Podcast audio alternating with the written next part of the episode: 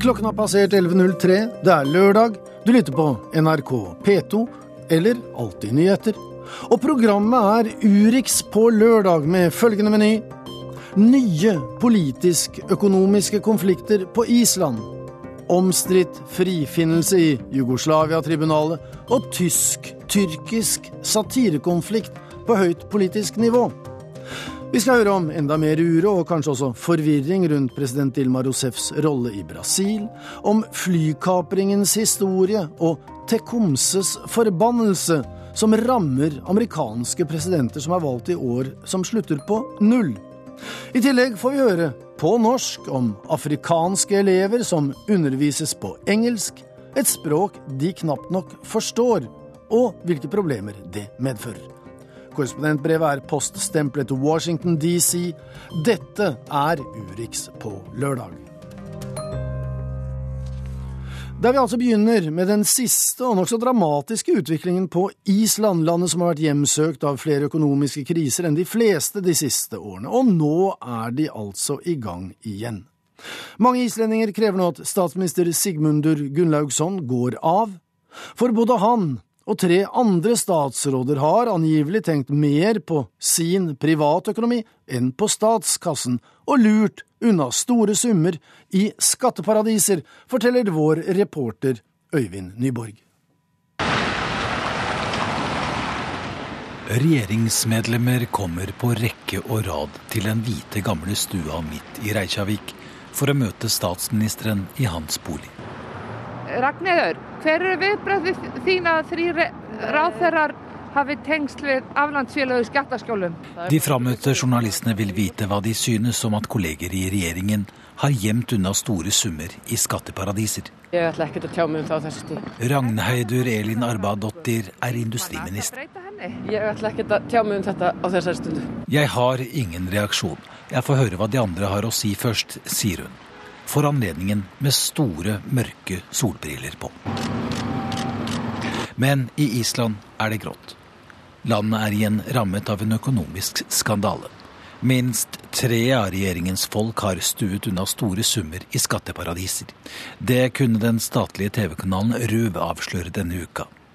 Statsminister Sigmundur Gunnlaugsson har sammen med kona plassert en halv million islandske kroner på Jomfruøyene. I tillegg har finansminister Bjarni Benediktsson og justisminister Olaf Nordahl penger i skatteparadis. De to skal ha vært med i driften av et offshoreselskap i ti år. Sirun, god dag. Sirun, eh, hver er din viðbröð við því að nöfn þryggja ráð þeirra tengist aflandsfélögum í skattaskjólum? Ekkert komment við þessu.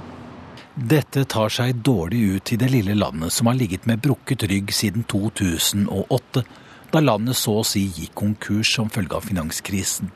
Banker kollapset, folk mistet hus og hjem, og Island måtte trygle Norge og EU om hjelp til å komme seg på beina igjen.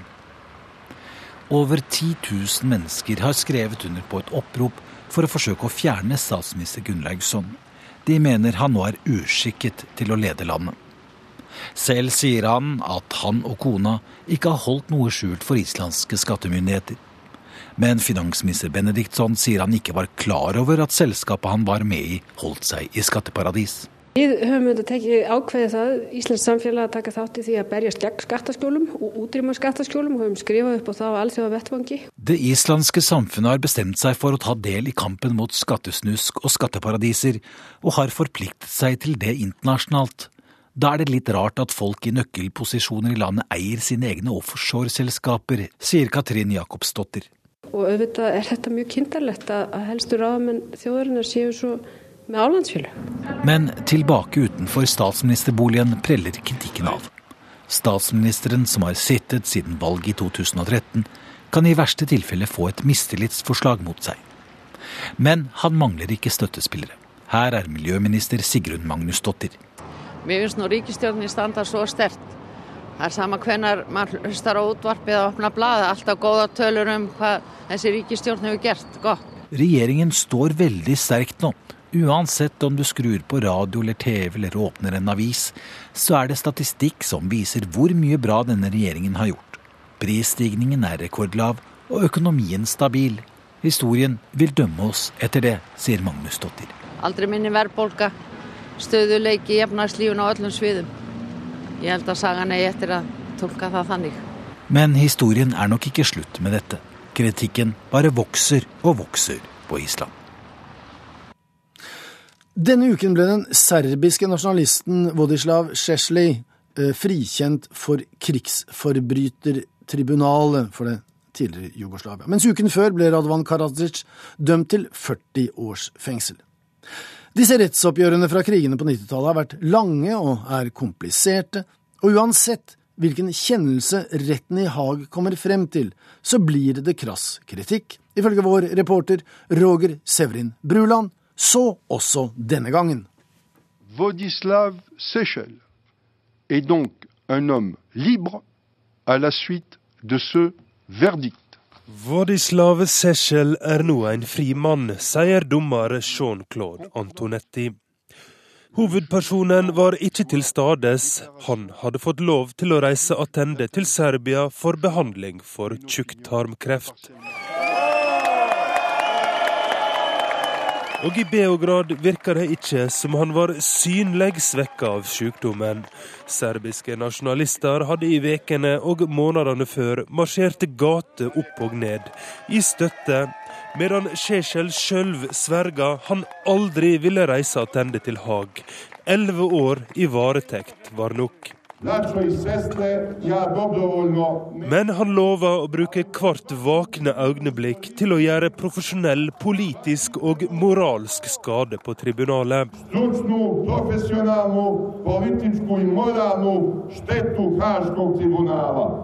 Den politiske analytikeren Slobodan Stupar tror tribunalet i grunnen var letta over at de slapp å ha den udresserte nasjonalisten på tiltalebenken. Mislim je odlazak Šešelja iz Haga možda i laknuo. Jeg tror han allerede har klart å rote til denne rettssaka så mye at tribunalet helst vil bli ferdig med han så raskt som råd, sa Stupar til Reuters før frikjenninga kom. I think, uh, yeah, people in tribunal would be more happy to get uh, rid of Shechel than to have him back because he is uh, in a way unbearable in the courtroom. Sjesjel er helt utålelig i rettssalen, forteller den serbiske journalisten Tanja Matic. Hun har dekka rettssakene i tribunalet i åtte år for nyhetsbyrået Sens.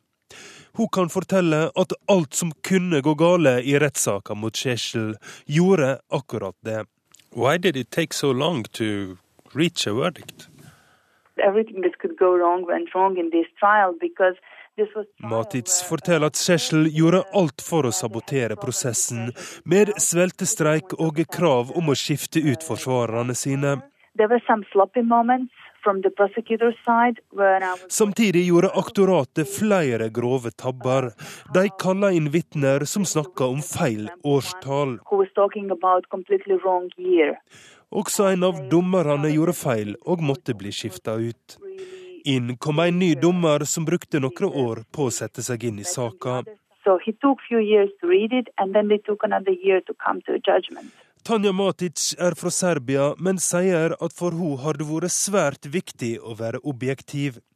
Hun er skylda for å være en forræder av serbiske nasjonalister. Tribunalet for det tidligere Jugoslavia går nå mot slutten etter 20 år. We were like uh, every trial every day. Tanja Matic har begynt i ny jobb og har skapt seg et liv i Amsterdam. Og skal hun reflektere over de mer absurde aspektene ved å dekke dette tribunalet, må det være kontrasten mellom den ufattelige blodige krigen og det idylliske samkvemmet de tidligere fiendene har nå i fengselet. It's uh, very idyllic, if you can say, in the uh, detention unit. And they have uh, uh, some uh, creative rooms. Uh, they have a gym, they have a tennis court, they play football against each other, and so on. Dette er menn fra samme generasjon. De var i militæret i lag eller gikk gradene i sosialistpartiet til Tito. De kommer godt overens, forteller Matic. They are really getting well along. You know, they are celebrating together uh, national celebrations, uh, how they exchange the books, uh, how they exchange the recipes, how one like Croat is babysitting um, Serbian children while his wife and uh, uh, detainee are having the time in their private room. En kroat kan passe serbiske barn, medan en fange og kona har privat tid sammen, forteller Matic. Om noen måneder vil det bli slutt på den daglige rapporteringa. Det er bare den serbiske generalen Ratko Mladic igjen av de store fiskene, som venter på sin dom. Den vil trolig komme neste år. Nå Tyskland og Tyrkia, som begge har sentrale roller, og ikke minst sammen, i internasjonal problemløsning for tiden, i tilknytning til og forlengelsen av det som ofte omtales som flyktningekrisen. Men nå er det knute på den diplomatiske tråden mellom de to land, og det etter et tysk satireprogram der den tyrkiske presidenten får gjennomgå, forteller vår Berlin-korrespondent Guri Nordstrøm.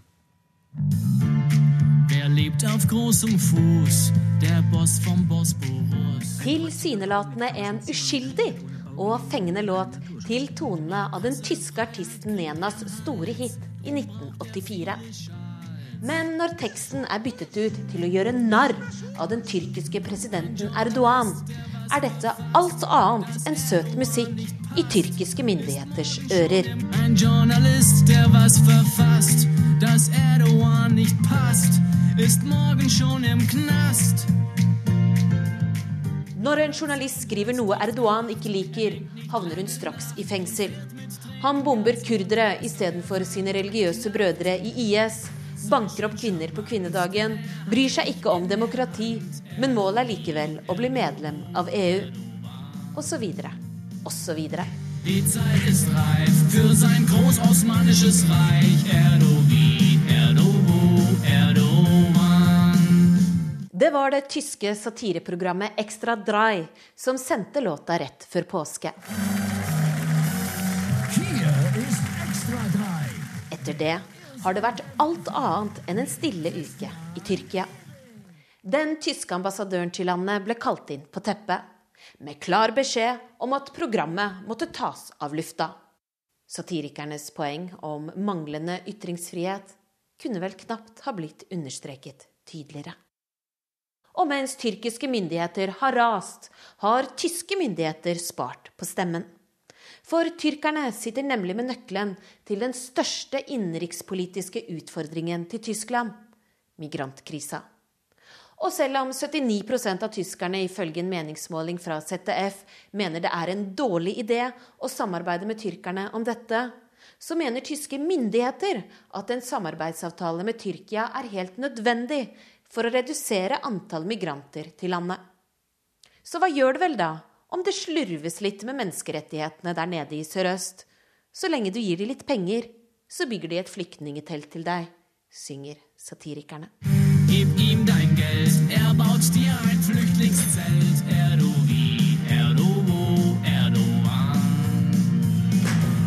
Først etter mye press og mye kritikk tok tyske myndigheter bladet fra munnen onsdag denne uka. Det tok nemlig litt tid før man fant en stedfortredende pressetalskvinne fra UD som stotrende kunne meddele at satiresendinger er selvsagt i det tyske medielandskapet, og at i Tyskland jo, her er jo faktisk ytringsfrihet ganske så viktig. Sendungen wie die beanstandeten, die von der türkischen Regierung beanstandeten, gehören selbstverständlich, ähm, für Deutschland selbstverständlich, äh, zur, zur deutschen Medienlandschaft dazu, sind vom, von der Presse- und Meinungsfreiheit umfasst. Men for dem som skulle stusse over enda en ting i denne saken, nemlig at tyskerne faktisk har humor, og at det er noe som heter tysk satire. De skal bare vite at satiren også tidligere har bydd på utenrikspolitiske problemer for tyskerne. I 1987 gjorde programmet Rodis Tageshow narr av Ayatollah Khomeini. Det førte til at den iranske ambassadøren krevde en unnskyldning fra den vesttyske regjeringen. I tillegg ble Goethe-instituttet i Teheran stengt, og programlederen og hans familie måtte leve med politibeskyttelse. Im Konflikt zwischen der Bundesrepublik und Iran um die ARD-Fernsehsatire Rudis Tagesschau beharrt Teheran auf einer Entschuldigung Bonns. Regierungssprecher Ost wiederholte, Bonn habe auf Fernsehsendungen keinen Einfluss. Når det gjelder satireprogrammet Extra Dry, har de virkelig fått understreket poengene sine de siste ukene. Og som takk kåret de denne uka Erdogan til ikke mindre enn Recep Tayyip Erdogan ist Extra Mitarbeiter des Monats. Månedens medarbeider. Om ikke så lite ærbødighet. Vi kleines. Er ist der größte Komiker seines Landes. Vi er bare et lite satiremagasin. Mens han er jo den største komikeren i landet sitt. Og selvfølgelig med et lite tips til slutt. Ich meine, Herr Erdogan, wenn es Ihnen nicht gefällt, was wir machen, Sie müssen das nicht schauen. Erdogan, hvis du ikke vil høre kritikk av deg selv, så må du ikke se på oss. Det er ganske enkelt her i Tyskland. Hvis du vil høre kritikk av deg selv, så ser du på Extra Dry. Men hvis du ikke vil høre noen kritikk, ja, da er det bare å møte forbundskansleren vår. Wenn Sie keine Kritik hören wollen, treffen Sie die Bundeskanzlerin.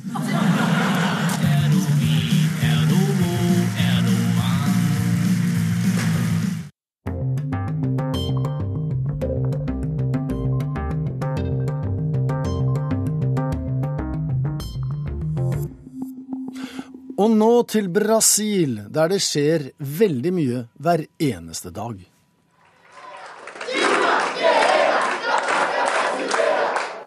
President Dilma Rousef slåss for landet vårt, roper disse støttespillerne. Men Dilma kjemper også for sitt eget politiske liv. Opposisjonen beskylder henne for å ha brukt sitt embete og penger for å pynte på sine egne prestasjoner og dekke over dårlige nyheter da hun stilte til gjenvalg i 2014. Derfor krever de nå hennes avgang. Men da må alle tidligere regjeringer med tilbakevirkende kraft også gå av, sier Dilma. For hun hevder at hun ikke har gjort noe annet enn det alle andre har gjort før henne.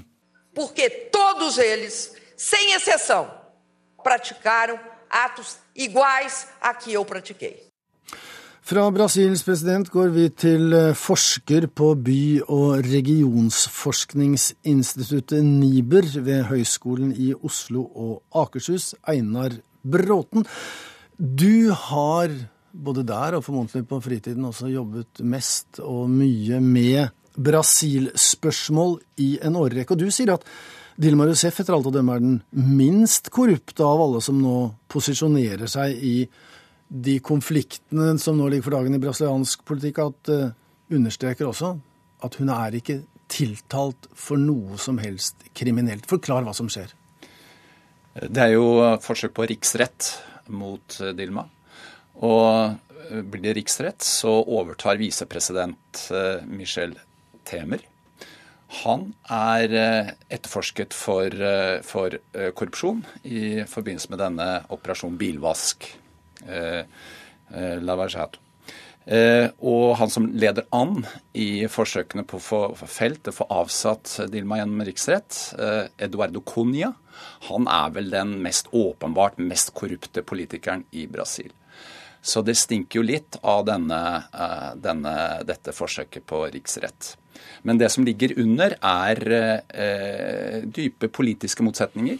Det har siden Lula ble president i 2003 vært en bred koalisjon eh, som har styrt Brasil eh, med økonomisk vekst og rimelig god sosial fordeling av veksten. Så det er politisk kamp og politiske motsetninger vel så mye som hva skal vi si, vanstyre og feil fra Dilma Rousefs side, etter din mening? Ja, Økonomien er jo veldig sårbar. De, har, altså de er basert på eksport av jordbruksvarer, soya først og fremst, og, og mineraler. Og prisene der og etterspørselen har gått veldig ned. Så økonomien faller jo. Det har jo gått ned med en 4% de siste tre årene. Så det er en stor økonomisk krise. Og man kan si når, når krybba er tom, så bites hestene. sånn at eh, da må man prioritere eh, mye mer, mye skarpere enn det man har gjort. Og det er store uenigheter mellom høyre- og venstresiden i, i, i, Brasil, og der Dilma representerer venstresiden. Og der Kongressen har et veldig sterkt høyreorientert flertall etter valgene i 2014. Du, du sier at, eh, eller antyder i hvert fall at her er det bukkene som sikler på en havresekk de ikke lenger har så god tilgang til som de gjerne kunne tenke seg. Det er mye korrupsjon i Brasil, men det er ikke nødvendigvis bare grådighet. Du sa før vi gikk i studio at eh, hele valgsystemet er bygd opp på en slik måte at eh, mange politikere må, da med store anførselstegn på må, faktisk skaffe seg penger på et eller annet vis for å kunne stille til valg? Det er et veldig vanskelig, ugjennomtrengelig valgsystem, også for brasilianerne. Eh, det ligner litt på det vi har ved kommunevalget i Norge, hvor det er altså eh, partilister, men hvor vi også kan stemme på personer. I Brasil så er det slik at eh, en først og fremst stemmer på personer som må tilhøre partier. Slik at en stemmer på personer, og så stemmer man tilfeldigvis da også på et bestemt parti som den personen tilhører. Men det kommer ikke alltid klart fram for, for velgerne. Og da er det tusenvis av kandidater om et veldig begrenset antall seter. Og der gjelder det å bli mest mulig eksponert, mest mulig synlig i, i massemedier og, og, rundt omkring. Og da, det kreves enormt mye penger. Så eh, per innbygger så er kanskje valgene i Brasil de dyreste i verden. Eh, når det gjelder bruken eh, av valgkampmidler. Men så har vi dette nøkkelpartiet, eh, PNDB, som trakk seg fra koalisjonen med Arbeiderpartiet, altså PT, Dilma Rousseffs og Lolas parti, denne uken. Som er et agrarparti for, for næringslivet i, i landbruket. Men om disse fra dette partiet skulle vinne frem med sine krav om å få Dilma Rousef avsatt, så er det A, på den ene side ikke sikkert at situasjonen blir noe særlig bedre, og B, disse har store private egeninteresser i å få fjernet Dilma og komme i maktposisjon selv for å beskytte seg selv.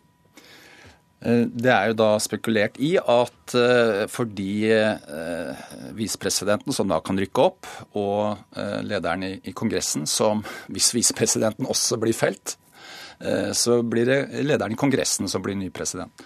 At begge to har interesser av å få, få druknet hele denne operasjon bilvask-operasjonen. At den har gått for langt, det har kommet ut av kontroll. og og rammer jo Det er 57 politikere som er etterforsket til nå. og eh, det er eh, snakk om kanskje et par hundre til som, eh, som også blir etterforsket. Så dette er en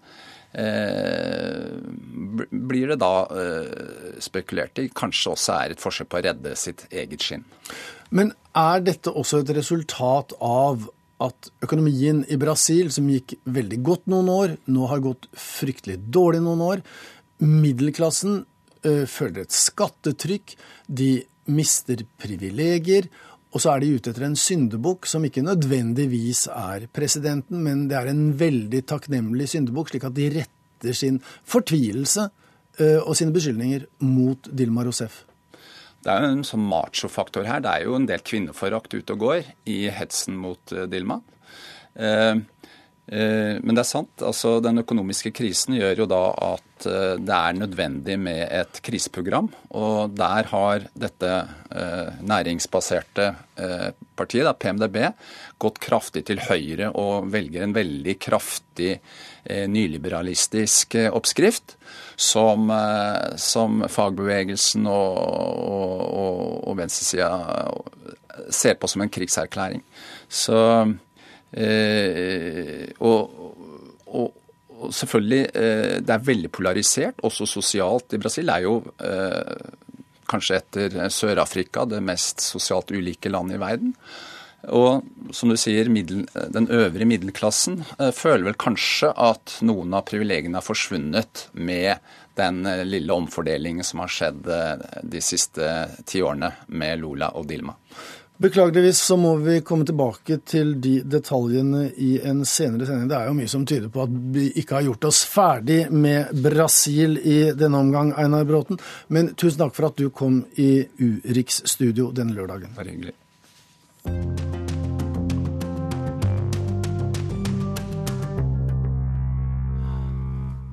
Som mange kanskje la merke til, så var det en flykapring denne uken, og det endte heldigvis godt da et egyptisk innenriksfly ble tvunget til å lande på Kypros. Eh, men samtidig så er det nesten noe litt husker du-nostalgisk over slike flykapringer. I hvert fall nesten, da. Men det minnet om forna dager, om en tid da fly ble kapret og omdirigert uten at trusselen eller målet nødvendigvis var å drepe flest mulig. Wenche Eriksen har sett tilbake på det som med rette eller urette omtales som flykapringens gullalder. A 707 jet is the newest target of hijackers, an incredible fiction-like attempt at piracy. Et utrolig og eventyraktig forsøk på noe som tilsvarer sjørøveri. Den amerikanske filmavisen fra tidlig på 1960-tallet røper hvor uvanlig flykapringer var på den tiden. Fram til 1958 var de i gjennomsnitt ett per år i hele verden. Det skulle snart endre seg. Back in Miami after their unexpected side trip from Houston to Havana are crew and passengers of the fourth hijack incident involving a US airliner. Den fjerde kapringen av et amerikansk fly som ble tvunget til å lande i Havanna. Lite antet de da at det skulle bli flere, mange flere, de neste årene. Såpass mange at perioden blir kalt flykapringenes gullalder. Mellom 1961 og 1972 ble over 150 amerikanske fly kapret, så å si alle ble omdirigert til Cuba. Passengers and crew arrive in Miami aboard a Pan American hijacked jet. They were released by Castro at the request of Colombia's foreign minister Julio Cesar Turbay Ayala, who was among the passengers bound for Guatemala when the plane was forced to change course to Cuba. Innen 1968 skjedde det ikke bare flere ganger i året, ikke bare flere ganger i måneden, men flere ganger i uken, og i ett tilfelle to ganger på samme dag. Nyordet skyjacking erstattet hijacking, det gamle ordet for kapring, og uttrykket take me to Cuba ble en del av populærkulturen, noe man kunne fleipe med, slik komikeren Jonathan Winters gjorde. Uh, good afternoon. Uh, uh, uh, supposed to go to, Helena, Montana. But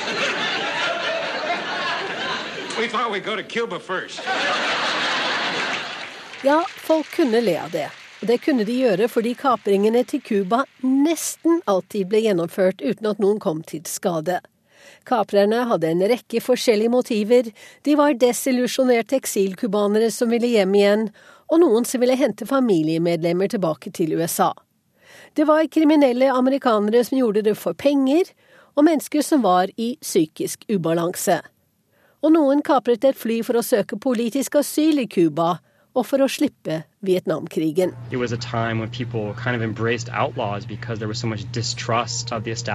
var en tid som dyrket de lovløse. Vietnamkrigen, rasisme Det var mye misnøye i samfunnet, sier Brendan Kerner til BBC.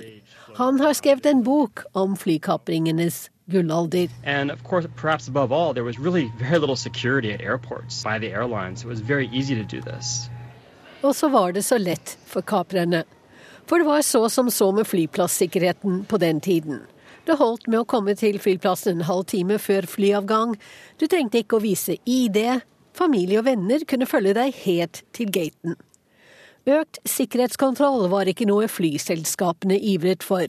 Det var dyrt, og dessuten var de redde for at folk ville bli skremt vekk fra å ta fly og velge bilen i stedet. Passengers who travel by air a great deal might build up a dangerous accumulation of radiation if they are checked before every departure. Det var først i 1973 at metalldetektorer og gjennomlysing av håndbagasje ble påbudt på alle amerikanske flyplasser. Tallet på flykapringer stupte. Men det var jo ikke bare i USA at fly ble kapret. I 1968 tok PFLP, den militante folkefronten for Palestinas frigjøring, over kontrollen på El Als flygning 426 fra London til Roma. Og et nytt kapittel i flykapringens historie ble innledet.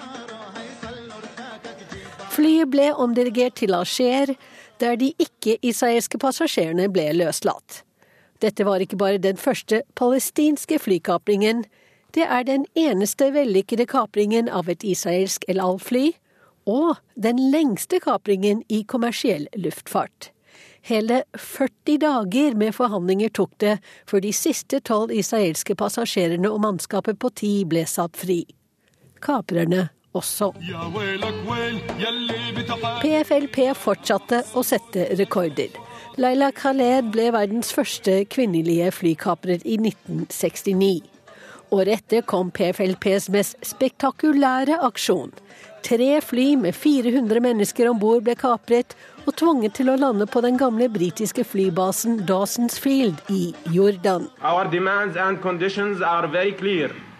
These conditions are the release of Leila Khaled, Etter å ha sluppet fri de fleste av gislene og flyttet 40 som de betraktet som israelske krigsfanger, ga PFLP Storbritannia, Sveits og Tyskland en frist på 72 timer til å løslate Laila Khaled og seks andre palestinere. Så skjedde dette.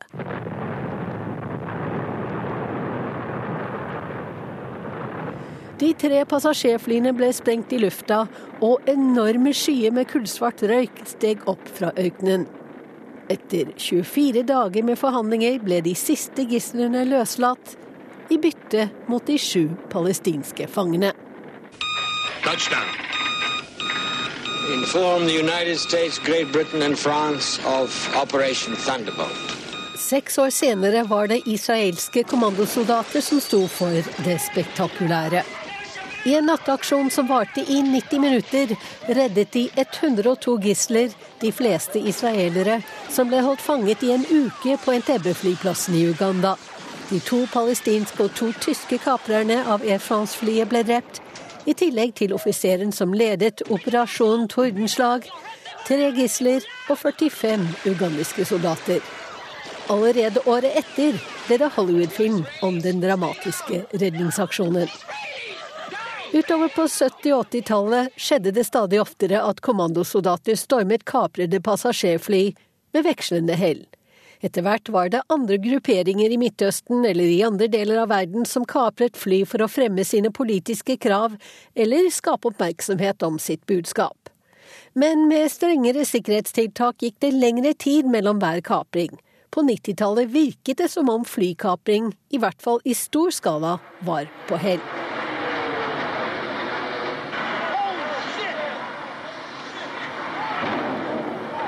Men 11.9.2001 innledet enda en ny æra i flykapringshistorien. Nå var det ikke lenger snakk om å fremme krav, men å drepe så mange som mulig.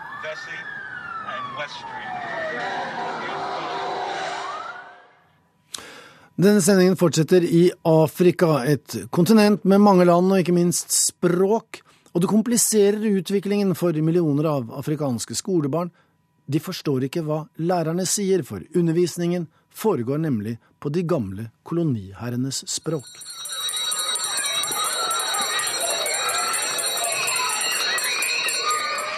Friminuttet er over. Barna på Ivoko Primary School må slå over til engelsk. I klasserommet får de ikke lenger snakke kikamba, som er det de bruker ute på skoleplassen. Ved inngangen til skolen i Kitui øst i Kenya er reglene malt i rødt på veggen. Det holder ikke at barna er ærlige og viser respekt, de må også snakke engelsk. Ved noen afrikanske skoler blir elevene slått eller sendt ut for å sitte på kne i solsteken hvis de snakker feil språk. På skolen NRK besøker, blir de pålagt oppgaver hvis de glemmer å prate engelsk i timen. Hvis vi snakker kikamba, blir vi straffet. Vi må plukke søppel eller bære vann for å vaske klasserommet, forteller tolv år gamle Mawiya Ngoto. Hun sier hun kunne ønske at det i det minste var lov til å snakke kiswahili i timene. two, three, four. It is a challenge because the English, you are using a language they don't understand most, and you are using, you are still using other concepts of English, which of maths, which they also don't understand. Lærer Immaculate Wengi sier barna ikke alltid skjønner hva hun sier, og at hun noen ganger må bruke begreper de ikke forstår. Jeg var jo veldig forbauset over det da jeg opplevde det i Tanzania første gang. Det sier professor i utdanning og utvikling Birgit Broch Utne. Hun har i en årrekke jobbet i mange afrikanske land, og sier at selv om politikerne i flere år nå har sagt at de skal gå over til nasjonale eller regionale språk, sitter barna fremdeles på skolebenken og forstår lite når læreren snakker om fysikk, kjemi, matte eller historie. Alle mine studenter snakket jo swahili, kom inn inn i klassen og snakker ikke swahili.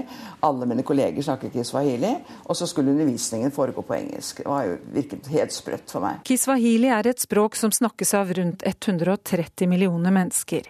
Men når barna kommer over på ungdomsskolen eller høyere, er det knapt en eneste skole sør for Sahara som bruker et afrikansk språk i undervisningen. Unntaket er kanskje afrikansk i Sør-Afrika. It was very difficult because when I when we, we came from primary school, English was just a subject. At secondary school, then English started to be the language of instruction. So it was very difficult for us. Hamisa Maguru, som er masterstudent og som skriver oppgave ved Universitetet i Oslo, har erfart det samme selv. Hun forteller at hverdagen plutselig ble en helt annen da hun begynte på ungdomsskolen. Elevene måtte ofte hjelpe hverandre fordi de ikke forsto det læreren sa. Sometimes it's difficult even to ask how to ask it. That is that you have not understanding there. You see.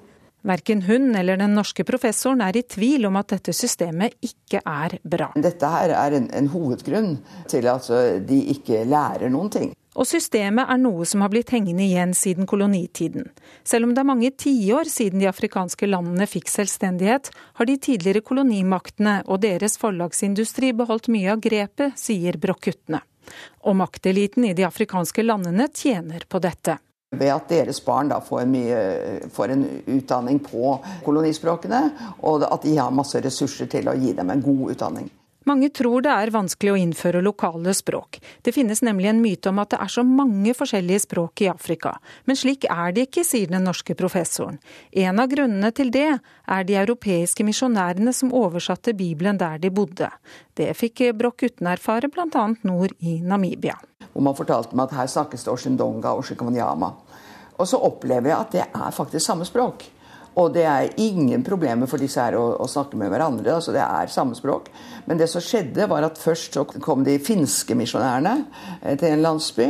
Og det de hørte, det kalte de Oshindonga. Og så uh, skrev de Bibelen av. Så kom de tyske misjonærene bare noen få år etterpå, nabolandsbyen hvor de snakket det samme. Tyskerne kalte det Oshikwanyama. Og så laget de skriftspråk. Og da fikk du den tyske måten å skrive på med sånne dotter-omlaut. ikke sant? Mens finnene de skriver jo gjerne nesten uten uh, vokaler. Så da har du fått to skriftspråk av noe som egentlig er det samme språket. Det der har du masse eksempler på. Og slik kunne det vært i Norge også hvis misjonærene hadde kommet hit og hørt de mange forskjellige dialektene vi har her, mener hun. Isteden så hadde vi en Ivar Aasen som eh, samlet Norge når det gjaldt et skriftspråk nynorsk. Eh, men det var ikke noe Iver Aasen i, i Afrika. Nå jobber afrikanske lingvister med å harmonisere skriftspråkene, så de ikke skal se så forskjellige ut. I mellomtiden må barna på skolen vi besøkte fortsette med engelsk, for som læreren deres sier, i alle fag er eksamen på engelsk. Exams are normally set in English, so if you don't know the, if you don't understand the, the language, then it means that the child cannot do well uh, in exam. Og reportere her var Kristine Presthun og Marit Kolberg. Til høsten er det som kjent presidentvalg i USA, et valg vi her i NRK, og ikke minst undertegnede, har snakket om i årevis allerede. Men om noen måneder så er det altså over, og hva skal vi, og ikke minst jeg, snakke om da? På tide, med andre ord, å forberede valget i 2020. Og siden alle amerikanske valg er spesielle, så må det understrekes at valget i 2020 det blir helt spesielt, for det rammes nemlig av Tekomses forbannelse. Den gamle indianerhøvdingen hevner seg fremdeles når det er valg i årstall som slutter med null. What do these presidents all have in common? Tecumseh's curse. And Tecumseh was an Indian chief of the Shawnee in the early 1800s when he died in 1813 in a battle. Tecumse var en stor indianerhøvding, født i 1768, omtrent der staten Ohio nå ligger. Han tilhørte Shawnee-stammen og motsatte seg de hvites forflytning vestover og inn i shawnienes rike. Han var talentfull og dyktig, modig og uredd. Han samlet en rekke indianerstammer i en allianse mot nybyggerne, og under Tecumses ledelse tok de opp kampen mot inntrengerne. Men som alle indianere, han tapte til slutt og ble drept i et stort slag i 1813. Det skal være hans bror, den mektige medisinmann og profet Tensquatawa, som lyste forbannelse over USA og dets fremtidige ledere. Og ikke minst de av dem som ble valgt i år, som sluttet på null. William Henry Harrison, elected in 1840, started the streak when he died after contracting pneumonia at his inauguration. Det kan ha vært skjebnen, men i 1840 var det Tecumses overmann fra slaget ved Tippecanoe general William Henry Harrison som ble valgt til president i USA. Harrison brukte nettopp sin erfaring som offiser fra kampene mot Tekomse og indianerne, inkludert triumfen ved Tippecanoe, som et viktig argument for sitt kandidatur. Han hadde med seg John Tyler som visepresidentkandidat og gikk til valg under slagordet Tippecanoe and Tyler too. Han vant, men døde etter én måned i Det hvite hus, den korteste regjeringstiden i USAs historie.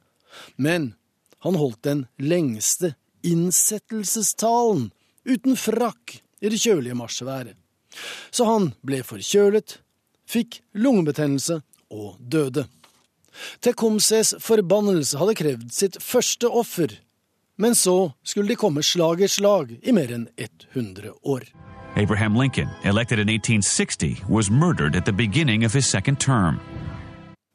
Abraham Lincoln, valgt i 1860, ble skutt av John Wilkes Booth under en teaterforestilling kun få dager etter at borgerkrigen tok slutt i 1865.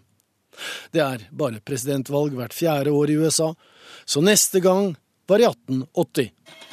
Then James A. Garfield was assassinated in office. Sommeren 1881 ble president James Garfield skutt og drept av en misfornøyd, men ambisiøs jobbsøker, Charles Guiteau, på en jernbanestasjon i Washington DC. Den snaut 50 år gamle Garfield hadde vært president i bare et halvår, da den arbeidsledige Guiteau mente at presidenten måtte ta konsekvensen av at han ikke hadde greid å skaffe Guiteau en jobb.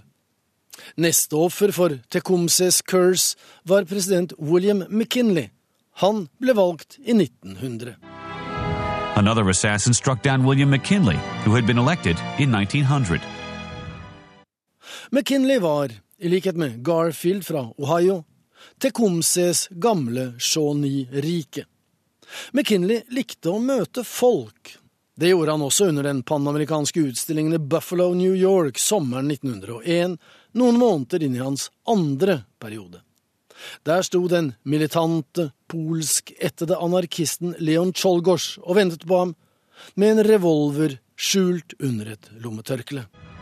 Next, Warren G. Harding, elected in 1920, died from either a heart attack or a stroke while returning from a trip to Alaska. Warren Harding var den tredje presidenten på rad, fra Ohio, valgt i et år som sluttet med null, som ikke fullførte sin periode. Tecumse slo til igjen. Harding, valgt 1920, levde hardt og hadde dårlig helse, en livsfarlig miks. Stress og ansvar i embets medfør, skandaler og bekymringer privat. Han døde av lungebetennelse og hjerneblødning, og selv om han ikke skal snakke stygt om de døde. Snaut 100 år senere husket han som en av de, eller kanskje den, dårligste presidenten USA noen gang har hatt. I motsetning til mannen som ble valgt neste gang det var et valgår med null, Franklin D. Roosevelt i 1940. Franklin D. Roosevelt, who was re-elected in a zero year, 1940, died at the beginning of his fourth term from a cerebral hemorrhage. I likhet med Harding var det sykdom som knekte FDR, etter å ha blitt gjenvalgt nok en gang i 1944. Han hadde levd med poliomyelitt i 25 år, og han ble stadig svakere under krigen og stadig mer svekket av flere små drypp som preget hans intellekt og hans kapasitet. 63 år gammel. Noen dager før Berlin falt i 1945 og krigen i praksis var over, i hvert fall i Europa, så døde han, som mange husker som kanskje den beste presidenten USA har hatt, som det femte offeret for Tecumsehs forbannelse, i hvert fall slik vi ser det her i dag. 20 år senere skjedde det igjen. John F. Kennedy valgt i 1960 holdt den kanskje mest inspirerende tiltredelsestalen noen amerikansk president noen gang har holdt. Nor in the life of this administration, nor even perhaps in our lifetime on this planet. But let us begin. Ja, Kennedy ble som kjent skutt i Dallas, Texas i 1963, og vi burde kanskje også ha sagt noe om Ronald Reagan, valgt i 1980, og George W. Bush, valgt i år 2000 også. Men siden de begge overlevde, så passer de ikke helt inn i mytebyggingen rundt Tekomses forbannelse. Om kraften er gått ut av den gamle indianerhøvdingens forbannelse, er derfor vanskelig å si, om man da i det hele tatt skal ta den slags på alvor. Men i et land der mange millioner angivelig tror at Elvis fremdeles lever, så er de kanskje mer åpne for kreative innspill i den retning enn hva vi er vant til her hjemme på berget.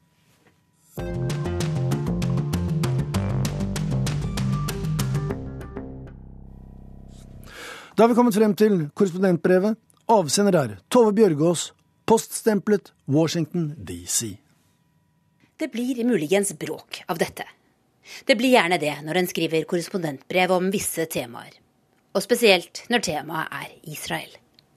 Men i forrige uke fikk jeg endelig mulighet til å være til stede på konferansen, som er en institusjon her i Washington. Et slags eksempel på det mest spektakulære denne byen har å by på. Vil du på teater eller musical i USA, reiser du til New York.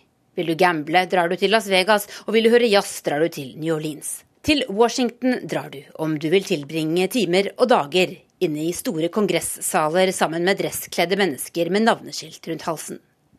Akkreditering. Der samles folk for å høre politikere snakke seg hese, mens saler jubler og dramatisk musikk velter ut av høyttalere. Det finnes mange årlige politiske megashow her. Konferansen for kristne høyrevelgere, konferansen for konservative høyrevelgere, konferansen for progressive demokrater, kvinner, våpenentusiaster. Og så er det APAC-konferansen. Konferansen for dem som støtter Israel. Og det er det visst stadig flere som gjør, skal en bedømme ut fra oppmøtet. For 18 000 mennesker møtte fram til Apex årlige happening i forrige uke. APEC står for American Israeli Public Affairs Committee. Startet i 1963 for å styrke og beskytte forholdet mellom USA og Israel, og styrke begge landenes sikkerhet. APEC er en lobbygruppe med mer enn 100 000 medlemmer. På APEC-konferansen har de fleste amerikanske presidenter en gang stått og sagt at de elsker Israel. Slik innflytelse har APAC. Det var altså på mandag i forrige uke at jeg klokka seks om morgenen kjørte gjennom stille bygater ned til Washingtons største idretts- og konserthall. Der var det allerede folksomt. Journalister, hunder og sikkerhetsvakter. Etter å ha fått gjennomsøkt vesker og kamerautstyr og blitt grundig kroppsvisitert, slapp jeg inn i Verizon-senteret. Vi mediefolk ble geleidet opp på gallerier høyt oppunder taket. Derfra hadde vi panoramautsikt over den roterende scenen og folkehavet som etter hvert fylte setene. Jeg har alltid vært fascinert av det jødiske USA, selv om jeg faktisk aldri har vært i Israel. Og før jeg tråkker i fella, er det viktig å trekke opp et skille.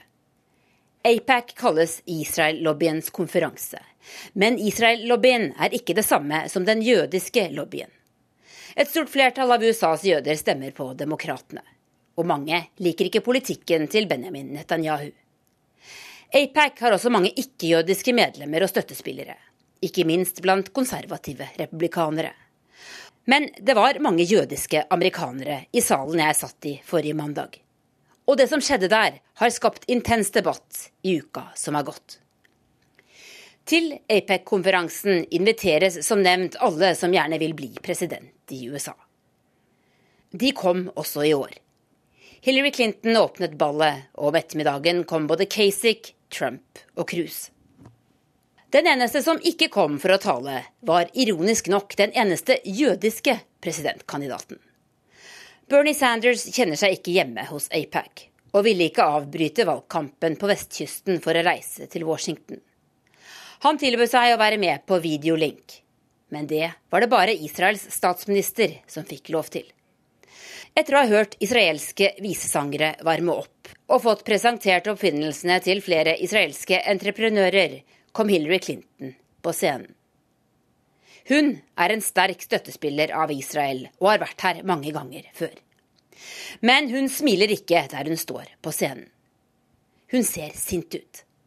En kan ikke forhandle om Israels sikkerhet, sier hun med adresse til presidentkandidaten hun mener vil forhandle om alt mulig, bare fordi han mener han er en slik fremdragende forretningsmann.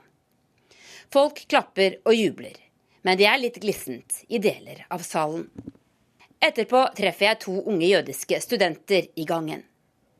De er studentmedlemmer i APAC. På Musikkonservatoriet i Brooklyn, der hun studerer, forsøker Cammy å tale Israels sak. Men stadig flere er kritiske, forteller hun. Det er vanskelig å være jødisk Israel-aktivist i USA akkurat nå.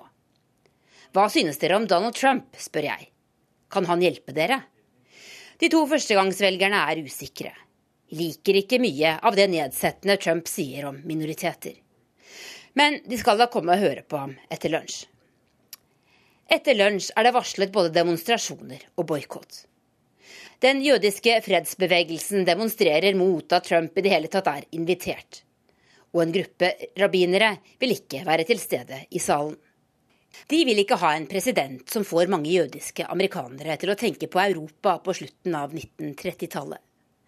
Men da jeg kommer tilbake til Verizon-senteret et par timer senere, får jeg en opplevelse jeg sent vil komme til å glemme. De varslede demonstrasjonene er ubetydelige. Det som i stedet preger gatebildet, er en virkelig endeløs kø av mennesker som vil inn. Den strekker seg rundt hele den enorme hallen.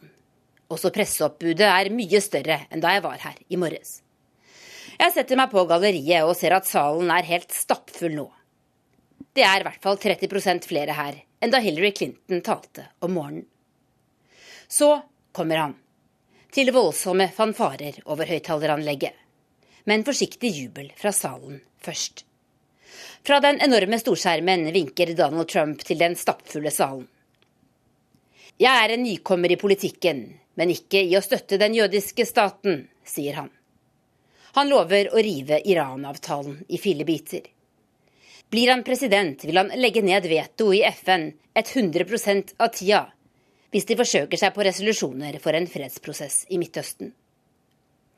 En fredsavtale laget av FN vil bli en katastrofe, sier Trump. Salen jubler. Det er nesten så taket løfter seg. Og så sier han det. President Obama er kanskje det verste som har hendt Israel, sier Donald Trump.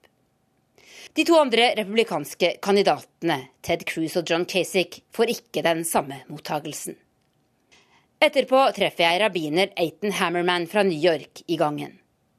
Han rister på hodet. Jeg er svært skuffet over hvordan salen reagerte, sier han. Dette skal være en forsamling som støtter Israel. Det er svært uheldig at de klapper når noen angriper en sittende president på den måten. Og det stopper ikke med kritikken fra Hammerman. Dagen etter er det Israels statsminister Benjamin Netanyahu som er hovedattraksjonen på konferansen. Han som ble invitert av republikanerne i Kongressen i fjor, og kom dit for å forsøke å stanse Iran-avtalen. Men først kommer Apex nyvalgte president og hele resten av ledergruppa på scenen. De leser opp en pressemelding. Det er et flaut og rart øyeblikk. De ber rett og slett om unnskyldning for at deltakerne på deres egen konferanse jublet slik de gjorde for Donald Trump. Det er ikke Apex ånd å juble når noen sier at en sittende president er det verste som har hendt Israel. Og det sa altså Trump. I dagene etter har debatten rast. Ikke minst i avisa The Forward i New York, en toneangivende jødisk avis her i USA. Jeg kjenner mange amerikanske jøder, og i tillegg til å være ekstremt velutdannede og velartikulerte, elsker de som regel å diskutere. De sarkastiske kommentarene sitter ofte løst. Men debatten den siste uka har ikke vært sarkastisk, verken i The Forward eller andre aviser. Redaktøren i The Forward, JJ Goldberg, mener ortodokse jøder og konservative republikanere har fått for stor plass i AIPAC. Og at Netanyahus regjering har endret dette viktigste påvirkningsorganet for det avgjørende forholdet mellom USA og Israel. De debatterer fortsatt om det var riktig å invitere Donald Trump til APEC-konferansen. JJ Goldberg i The Forward sier det slik. Donald Trump er ikke Hitler. Det som er skremmende, er ikke hvem han er, men at han har vist oss hvem vi er. Sa altså Tove Bjørgaas. Og dermed går denne sendingen mot sitt endelikt. Teknisk ansvarlig Stein Nybakk, produsent Ulf Tannesfjell, og her i studio har Joar Ho Larsen sittet de siste minuttene.